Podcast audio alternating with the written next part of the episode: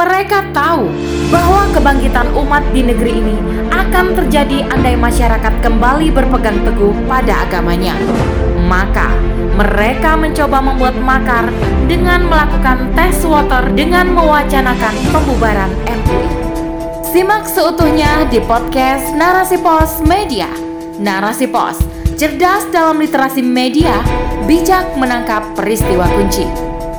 Inilah dia rubrik opini dengan judul Kriminalisasi Ulama dan Wacana Pembubaran MUI Tes Water Rezim pada Umat Islam oleh Atifa Dinilah.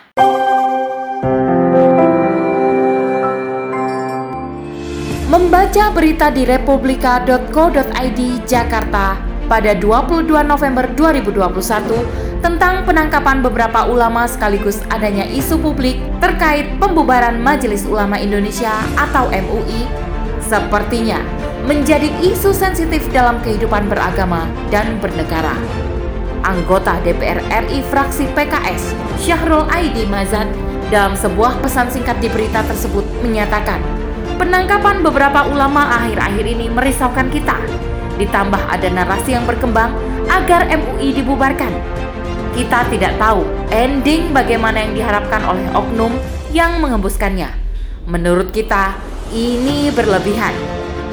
Menurut berita Jawa Pos pada 20 November 2021 mengenai ditangkapnya tiga ulama aktif di MUI, alasan penangkapan sebagaimana yang dikatakan Kabak Penum Divisi Humas Polri Kombes Pol Ahmad Hamadan adalah dugaan terlibat kelompok Jamaah Islamiyah atau JI.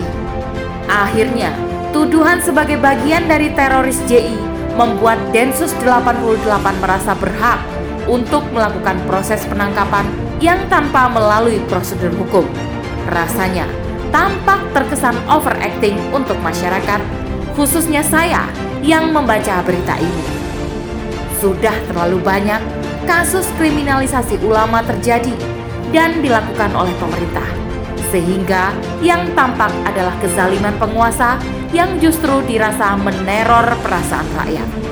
Ketua Koalisi Persaudaraan dan Advokasi Umat atau KPAU Ahmad Khosinuddin berpendapat bahwa Densus 88 bukan hanya melanggar prosedur penangkapan, tetapi juga menimbulkan teror, ancaman, dan ketakutan di tengah masyarakat. Para ulama ini tidak melakukan tindak pidana kekerasan sebagaimana KKB di Papua. Mereka pun tidak melakukan tindakan korupsi yang merugikan negara. Mereka hanyalah ulama-ulama yang hanif dan lurus dalam menyampaikan kebenaran dari Allah Subhanahu wa taala. Lalu, apakah karena hal tersebut mereka ditangkap? Maka, jika demikian, sungguh pemerintah saat ini sedang menantang Allah Subhanahu wa taala. Orang-orang yang menghalang-halangi orang lain dari jalan Allah dan ingin membelokkannya, mereka itulah yang mengingkari kehidupan akhirat. Surat Al-A'raf ayat 45. Apalagi mereka membuat-buat tuduhan tanpa bukti, seolah mereka hendak menipu kaum muslimin dengan tuduhan teroris yang diada-adakan. Saat ini, rakyat sudah cerdas. Setiap kali ada tuduhan tentang teroris, maka tuduhan tersebut selalu tanpa bukti. JI bisa jadi hanyalah alasan yang diada-adakan, gencar diopinikan ke tengah masyarakat.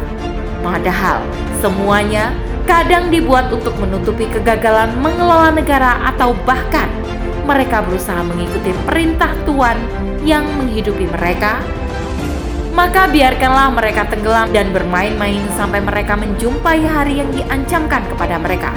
Surah Al-Ma'arij ayat 42 Sudah bukan merupakan rahasia jika isu terorisme merupakan propaganda yang dicanangkan Barat untuk menciptakan ketakutan atau Islamophobia di seluruh dunia. Wacana pembubaran MUI setelah ditangkapnya Zain An-Najah yang merupakan salah satu pengurus MUI menurut detiknews.com pada 20 November 2021 muncul saat ada tagar bubarkan MUI usai Densus 88 menangkap salah seorang pengurusnya terkait isu terorisme. Saya pikir hal tersebut bukan sesuatu yang kebetulan. Ada pihak tertentu yang sedang melakukan tes water untuk mendeteksi reaksi kaum muslimin dalam persoalan ini. Pemberitaan bahwa MUI menggelar ijma ulama di mana di dalamnya dibahas tentang makna khilafah dan penodaan agama mengguncang orang-orang yang menyimpan kebencian dalam hatinya terhadap Islam. Terlebih, hasil ijtima ulama ini telah merekomendasikan agar masyarakat dan pemerintah tidak memberi stigma negatif terhadap makna jihad dan khilafah. Hal ini menunjukkan keberadaan MUI masih memberi pengaruh cukup besar pada masyarakat Indonesia yang penduduknya memang mayoritas muslim. Fatwa MUI masih dirasakan oleh rakyat sebagai obor penerang yang menjadi petunjuk pada jalan kebenaran. Apalagi salah satu poin yang dibahas adalah tentang khilafah. Satu kata yang barat dan rezim merasa fobia dengan kata ini. Maka Wajar jika kemudian mereka mencoba mewacanakan pembubaran MUI. Tujuannya jelas, mereka berharap masyarakat ikut menjadi fobia terhadap khilafah yang sebenarnya merupakan ajaran Islam. Mereka tahu bahwa kebangkitan umat di negeri ini akan terjadi andai masyarakat kembali berpegang teguh pada agamanya.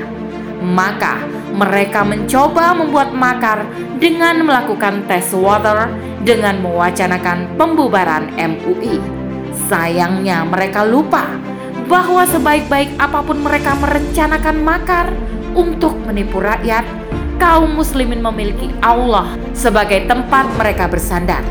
Andai mereka bisa, mereka membuat tipu daya dan Allah membalas tipu daya mereka itu. Dan Allah sebaik-baik pembalas tipu daya.